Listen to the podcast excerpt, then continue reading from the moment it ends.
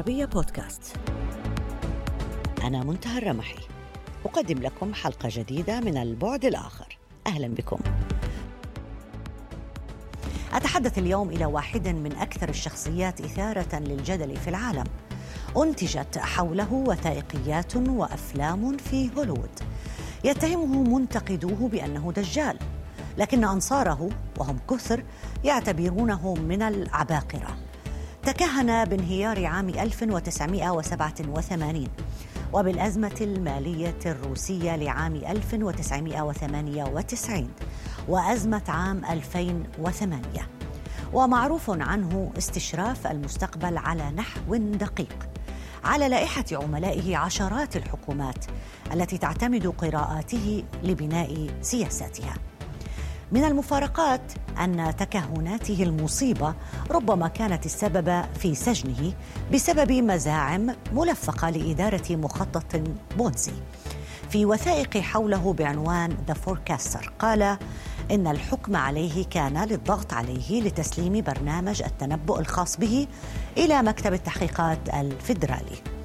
وباختصار بنى أرمسترونغ ما يشبه النظرية التي تقوم على أن هناك دورة اقتصادية بتداعياتها السياسية تستمر 8.6 سنة ضيفي اليوم هو الاقتصادي والاستراتيجي الأمريكي مارتن أرمسترونغ والذي سنحاول معه التعرف على رؤاه لهذا العالم المتقلب. نرحب بك معنا سيد مارتن أرمسترونغ أهلا بك. شكرا جزيلا لدعوتي. اسمح لي أن نبدأ أولا بنظريتك التي تقوم على أن هناك دورات اقتصادية ولها تداعيات سياسية واجتماعية تحدث كل 8.6 سنة. لو تشرحها لنا أكثر ولماذا 8.6 وليس 9 سنوات أو 7 سنوات؟ Um, well, it is, uh, كل شخص يدرك أن هناك دورة بالأعمال لكن النزاع هو هل يمكن قياسها أم لا؟ وما طورته بكل بساطة هو لأنني مسؤول صناديق تحوطية فبكل بساطة كنت أحاول أن أتاجر في الأسواق. هذه المسألة وبكل بساطة. وكان لدينا عملاء في الشرق الأوسط وهو البنك لبنان الدولي وكنا نحاول نخلق لهم نموذجا وهذا ما فعلناه وعدنا وقلنا أنه خلال ثمانية أيام بلدكم ستنهار. أنا كنت أعتقد بأنه كان هنالك خطأ وسألوني أي عملة هي الأفضل ونفس الشيء حصل. مع آه، في حرب العراق وإيران كان لدينا عميل قال الحرب ستبدأ غدا ما رأيك بالذهب؟ وفيما يخص الانهيار الروسي في عام 98 بدأت بالاطلاع في خلق نموذج آه، لجذب تدفق أو متابعة تدفقات رأس المال. الأمر الواضح إنها أنه كان هناك الشخص يعرف أن هنالك حرب ستحصل وإذا كانوا ينقلون أموالهم. وفي عام 98 100 آه، مليار ذهبت إلى روسيا و150 مليار خرجت. وعقدنا مؤتمرا في لندن حينها وأحد الصحفيين من لندن فاينانشال تايمز تسلل إلى خلف القاعة ووقفت وقلت لهم روسيا ستنهار وأمنحوها ثلاثون يوما. ووضع ذلك في صفحة رئيسية لصفحة لندن فاينانشال تايمز وحصل الانهيار بالفعل وكانت إدارة أزمة مالية طويلة الأمد. وعلى مدار السنوات لاحظت بأن هذا هو أسلوب عمل الاقتصاد. ولكن كل شيء يشمل فيه من التغير المناخي والحروب وكل شيء. بالنسبة لي من المدهش. على ما على ماذا تعتمد في في قراءاتك أو في استشرافك للمستقبل أو ما يسميه البعض تنبؤاتك بالنسبة للأحداث الاقتصادية اللي بتنعكس على المستوى السياسي والاجتماعي أيضا؟ ما هي الآلية؟ ما هي الطريقة التي تعتمدها؟ Uh, ببساطة الكمبيوتر آه، يغذى ببيانات حول كل شيء في العالم وهو يربط بين كل شيء. لذلك نرى كيف آه، حركة رأس المال. مثلا الولايات المتحدة أفلست عام 1890 والحرب العالمية الأولى والثانية هي التي أرسلت الأموال إلى أمريكا وبالتالي أصبحت أكبر اقتصاد في العالم. كل هذه الأمور تتطور. وحتى أزمة العملة الآسيوية اتصل بها البنك المركزي الصيني. واتفقوا معي على تحرك رأس المال وقالوا نريدك أن تقول ذلك وقالوا مرة ثانية نريدك أن تنتقد البنك المركزي. وهذا جزء من المشكلة ولكننا جميعا مترابطون مهما حصل. ما يحصل في أوكرانيا يؤثر على الشرق الأوسط ويؤثر على الولايات المتحدة وآسيا. كلنا مترابطون ولا يمكن أن نستخلص الأمور أو شيء من الآخر العقوبات التي فرضها بايدن على روسيا منافية للعقل لأنك لا تعاقب روسيا فحسب بل يعاقب العالم أجمع طيب في الأحداث الجارية حاليا في العالم وحضرتك بدأت بالإشارة إليها ما الذي يحمله الماضي الأوروبي من دروس يمكن أن تصلح للتكهن أو استشراف مستقبل القارة؟ أوروبا تواجه أزمة. والمشكلة الحقيقية أنهم خفضوا نسب الفائدة إلى السالب عام 2014 حذرتهم حينها. إذا وصلتم إلى السالب فلن تخرجوا منها أبدا. لم يصغوا لي. وهذا ما لدينا الآن الكثير من السلبية اليوم. لا يدركون والمشكلة في الكثير من المسؤولين الحكوميين أنهم غير مؤهلين. و ينظرون إلى الأمور بشكل خطي وكانوا يبحثون عن تخفيض نسب الفائدة لكي يقترض الجميع. ولكن إذا فكرنا في مثلا كل التقاعدات كلها مرتبطة بالسندات الحكومية ونسب الفائدة السلبية تسبب إفلاس الكثير من الصناديق في أوروبا. هذه هي المشكلة التي نواجهها. وكذلك فيما يخص البنوك المركزية خلال النكسة العظمى طرحوا اقتصاديات جديدة وزادوا نسب الفائدة وتخفيضها وكل هذا آه، حينها هربرت هوفر كان يدير موازنات آه، في الولايات المتحدة ومنذ ذلك انتقلنا إلى العجز عام بعد عام والآن يرفع نسب الاقتصاد أو الفائدة ما عاد يؤثر ذلك على الاقتصاد فقط للقطاع الخاص بل حتى الحكومة هي أصبحت أكبر مقترض فإذا ما زادت نسب الفائدة فهذا يزيد من انفاقاتها. كل النظريات الاقتصادية باتت قديمة ولا تنطبق على الوضع الحالي الذي نواجهه.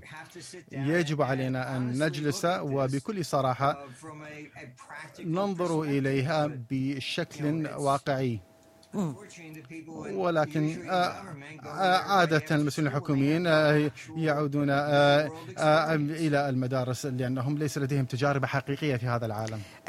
في آخر ما تحدثت عنه أنه حرب عالمية ثالثة ربما بدأت. على أي مستوى تتحدث هنا؟ على المستوى الاقتصادي ولا على المستوى السياسي المستوى العسكري؟ لأنه على المستوى العسكري حتى الآن ما في حرب عالمية ثالثة. عندما تتكهن بأنه حرب عالمية ثالثة ماذا تقصد؟ ختاما هي تقود um, إلى العنف. uh, ولكن سبق أن بدأت في السوق المالي. uh, وأغلب الأشخاص لا يدركون ذلك ولكن إذا ما قرأنا مذكرات هربرت هوفر عام 1931 فنرى بأن الحرب العالمية الثانية بدأت في الأسواق المالية. كان يتحدث عن العملات والانتقال آه، التحول من عملة إلى أخرى ولم يثق بحكومة أو غيرها. الحكومات كانت تهاجم بعضها البعض وأسواق السندات أيضا. كل شيء كان جنوني. أنا أنصح بقراءة الفصل 1931 واسترى ما تحدثوا عنه. المشكلة هنا آه، تهديد الصين العقوبات و وروسيا. وبذلك هنالك دمار للاقتصاد العالمي وحالما تدمر الاقتصاد العالمي بهذا الشكل. هنا تحل الحروب وخلق السلام وعندما يعيش الجميع بوئام ويكون هناك تجارة حرة بين الدول حينها لن يكون هنالك قتال أو أو مزيد من الحروب. لكن هل النزاعات الحالية عندما نشير هنا إلى روسيا أوكرانيا وموقف الإدارة الأمريكية وأوروبا من هذه الحرب والحديث عن ربما تصعيد قادم مع الصين في حال آه، آه، آه، يعني صعدت قضية تايوان إلى السطح هل هذه النزاعات الحالية برأيك هي نتاج أزمات مالية أم سياسية إلى أي مدى كان فيها عامل اقتصادي في كثير من هذه النزاعات؟ Oh, بلا uh, شك uh, مشاكل اقتصادية. Uh, كل العجز في العديد من السلع أوكرانيا وروسيا. 30% من العالم من الحبوب. وهذا ما أقصده الساسة آه، غير مؤهلين في الحقيقة ولا ينظرون إلى تحقيق هدف واحد بينما هنالك أشياء كثيرة جدا وكن لها آثار كبيرة جدا على الاقتصاد. التضخم سوف يستمر وزيادة نسب الفائدة لن تتمكن من إيقاف التضخم القائم على عجز أو انعدام وجود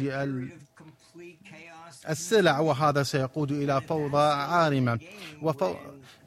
في هذه المرحلة عندما لا يكون هنالك أي مصالح شخصية لتجنب الحروب فحينها تتحول إلى عنف. أوكرانيا آه تتوقع الكمبيوتر بأن كل شيء سيبدأ هناك في 2013 وهو موجود على موقعنا الإلكتروني عندما طرحناها. الكمبيوتر لم يخطئ أبدا. ربما هذه يعني نظرية أوسع آه، عن من النظرية المعروفة تاريخيا أنه إذا أردت أن تعرف المستقبل عليك أن تقرأ في التاريخ أيضا لا يمكن أن يكون هناك يعني المستقبل منقطع تماما أو حتى الحاضر منقطع تماما عن التاريخ التصريحات الكثيرة لكن اللي اتهمت فيها المثال الاشتراكي أو اليساري ببناء سردية مخاتلة أثرت كثيرا في قراءاتنا للواقع الاقتصادي والواقع العام ألا ترى أن المشكلة هي عكس ذلك؟ بل هي تكمن في الشركات الكبرى والمثال الرأسمالي الذي بلغ حسب البعض مرحلة من التناقضات التي تنتج أزمات. بمعنى أليس المثال الاقتصاد السوق دور في الأزمات الحالية أكثر من النظام الاشتراكي؟ The problem with the um, المشكلة أو سبب انهيار الاشتراكية. آه، هو أنهم يستمرون بتقديم الوعود ولكنهم يمولون مع عجز اقتصادي أو مالي. هذه هي المشكلة عندما تقلل الحكومات نسب الفائدة ونسب الفائدة. من المفترض أن تكون نسبة التضخم زائدة نسب الفائدة. لماذا أقرضك المال؟ إذا كان التضخم بنسبة 10% وستمنحني نفس كمية الأموال أو بهذا ستكون هنالك خسارة. كل شيء له مكانه في هذا النظام. الحكومات لا تستطيع أن تتلاعب بالأمور لأغراض شخصية أو خاصة بأجنداتها. هذا هو ما يتسبب بالأزمات الاشتراكية. هي عندما تقوم الحكومات بخلق أو توفير الأشياء من دون حلول واقعية لها. السوق الحر دائما آه، سيصحح كل الأخطاء. هذه هي الطبيعة الإنسانية. سوف نستثمر بشيء مثلا عندما نكون لدينا ثقة فيه ولن نستثمر عندما تكون الثقة ضعيفة أو تتلاشى أجرنا دراسات على نسب الفائدة أو في سوق الأسهم. لم تصل إلى نفس الارتفاعات آه، أكثر من مرة. لماذا؟ إذا ما فكرنا بسوق الأسهم أو أيا كان سيتضاعف خلال العام القادم سندفع 10% أو 20% فائدة. ولكن إذا لم نعتقد بأنه سيرتفع سينخفض. لذلك نقترض. هي التوقعات. هي الجانب الأهم وليس حتى نسب الفائدة. إذا ما كنا نعتقد بأننا سنربح 10% سندفع 2% أو حتى 5% ولكن إذا لم نكن نعتقد بأننا سنكسب 1% فلن ندفع 1% فيجب أن ننظر إلى كل هذه الأمور من وجهة نظر واقعية. والمشكلة هي أن الاشتراكية والشيوعية كانت تحاول التخلص من دورة الأعمال والتي في الحقيقة هي تمثل الإنسانية. نحن متساوون بالحقوق وهكذا يجب أن يكون الأمر ولكننا لسنا بالضرورة متساوون بالموهبة.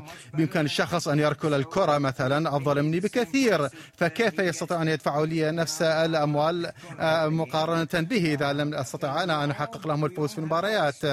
فكل واحد لديه موهبة خاصة. لسنا كلنا متساوون بهذا الشكل الحقوق صحيح.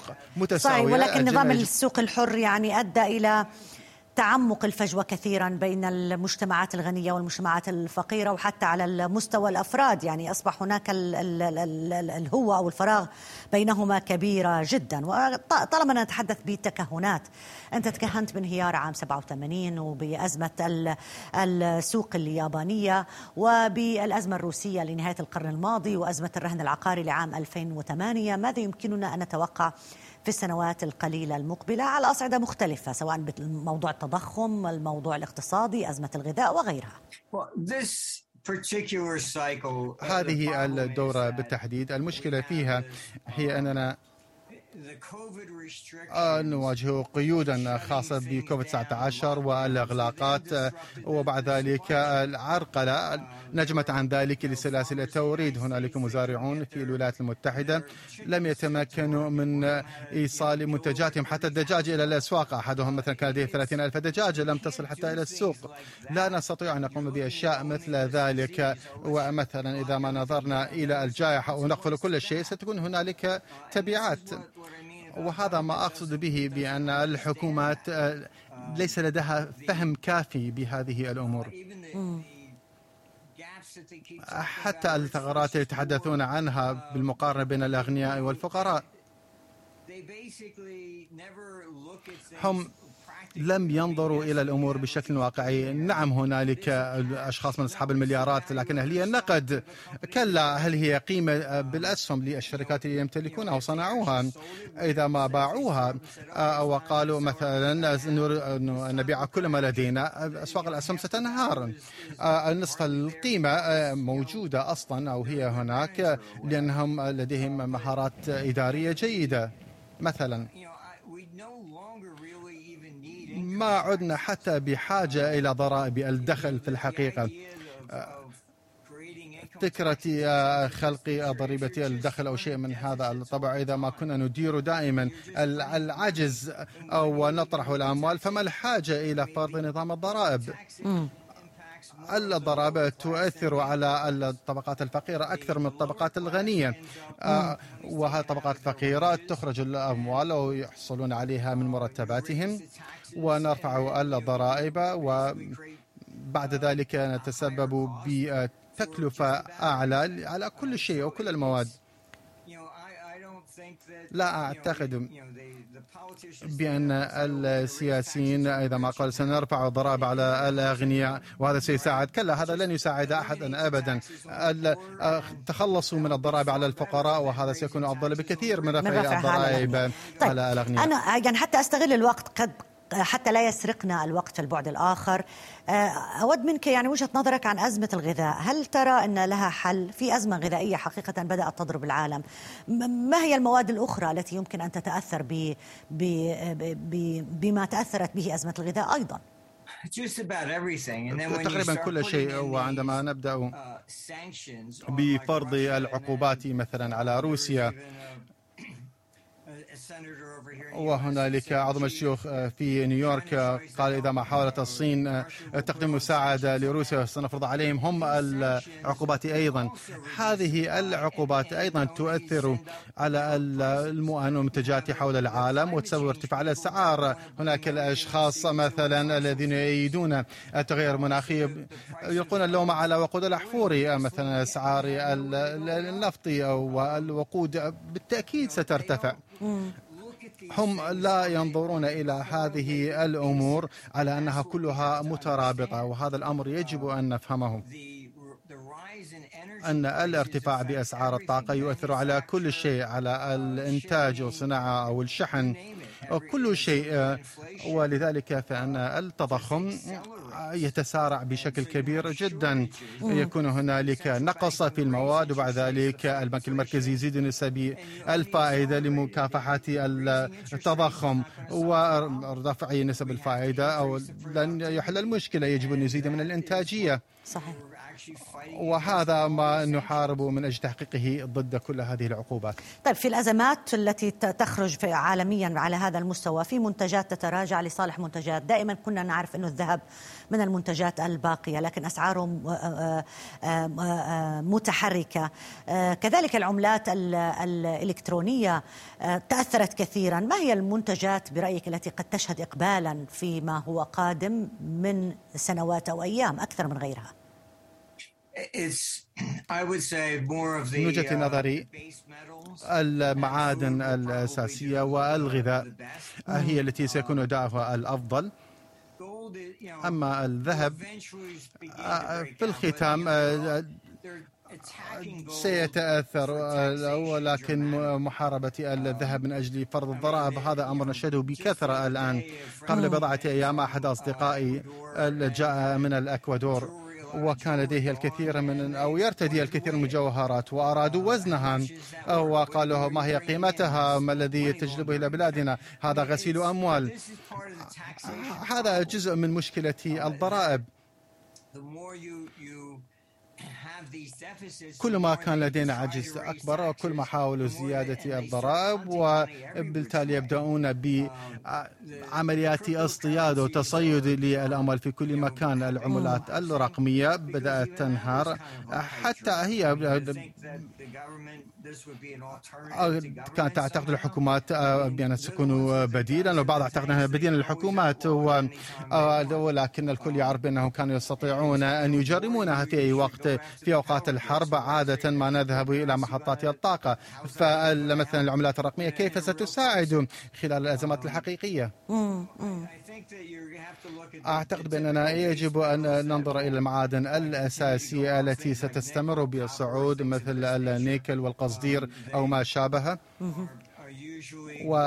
وعادة ترتفع خلال الأوقات النزاعات المدنية والحروب. وكذلك الغذاء كما أشرت قبل قليل. طب ماذا عن الدول؟ إذا بدنا نحدد فقط يعني نضع في إطار محدد دول التي تهددها أزمات أكثر من غيرها مثل سريلانكا أو لبنان. يجب أن ندرك بأن الكثير من دول العالم الثالث من أجل اقتراض الأموال قاموا بإصدار أموالهم بديون بالدولار الأمريكي فمع ارتفاع الدولار الأمريكي وزيادة نسب الفائدة الأسواق الناشئة تواجه مخاطر كثيرة جدا للعجز.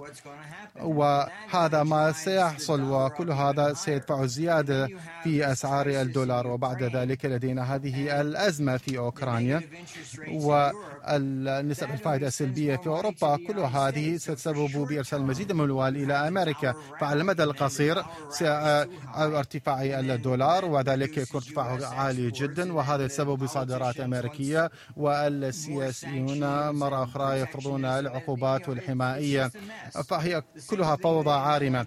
نفس الشيء الذي حصل في الثلاثينات القرن الماضي. عرفوا ما يسبب ارتفاع الدولار وذلك فرضوا السياسات الحمائية في الختام سنشهد انهيار الدولار ولكن هذا سيكون ربما بعد 2024 أول دور من مشاكل الديون في الأسواق الناشئة تبعثوا بالأموال تتركز في الدولار الأمريكي وبعد ذلك تصل نسبة عالية جدا. وبعد ذلك يحاولون تخفيضها ونرى انتقالها بالاتجاه المعاكس. والتأثير على منطقة اليورو أيضا ماذا سيكون برأيك؟ منطقة اليورو تواجه مشاكل اقتصادية جسيمة. ومشاكل سياسية أيضا. الهيكلة سياسية لمنطقة اليورو. تبنت نظرية فكرة العملة العالمية الواحدة. هولندا رئيس فرنسا السابق حتى قال هو أن الغرض الرئيسي من الاتحاد الأوروبي هي إنهاء الحرب ولكنها فشلت. أو هي ما عادت ديمقراطية حقيقية كما شكلوها في الحقيقة بحيث حرموا الأشخاص من حق الانتخاب والتصويت مثلا حق التصويت لوزير في البرلمان ولكن ليس لديهم السلطة. القوانين تفرضها المفوضية الأوروبية وهي ليست خاضعة للانتخابات حتى حال المسؤولين الكبار يتقيهم القادة العالميين الآخرون وهم ليسوا خاضعين للانتخابات. فهي نفس المنظومة الموجودة في روسيا في الحقيقة. وال الديمقراطية المباشرة الوحيدة في الحقيقة والأقرب إليها هي سويسرا. ولكن حتى الولايات المتحدة نحن نعيش بجمهوريات وليس ديمقراطيات. فالسياسي يقول انتخبوني سمنحكم واحد اثنين وثلاثة والآخر يقدم الوعود ثم يصلون إلى واشنطن ويقال لهم كلا يجب أن تصوتوا حسب رغبات الحزب. فلا يهم ما هي المزاعم الانتخابية. لكن في الأخير نصوت فقط لغرابات الحزب يستطيع أن يوفر لنا كل ما يوعد به. الاقتصادي والاستراتيجي الأمريكي السيد مارتن أرمسترونغ شكرا جزيلا لك على المشاركة معنا. ألف شكر. إلى هنا انتهت حلقة اليوم من البعد الآخر. يمكنكم دائما متابعتنا على مواقع التواصل الاجتماعي تويتر فيسبوك ويوتيوب. إلى اللقاء.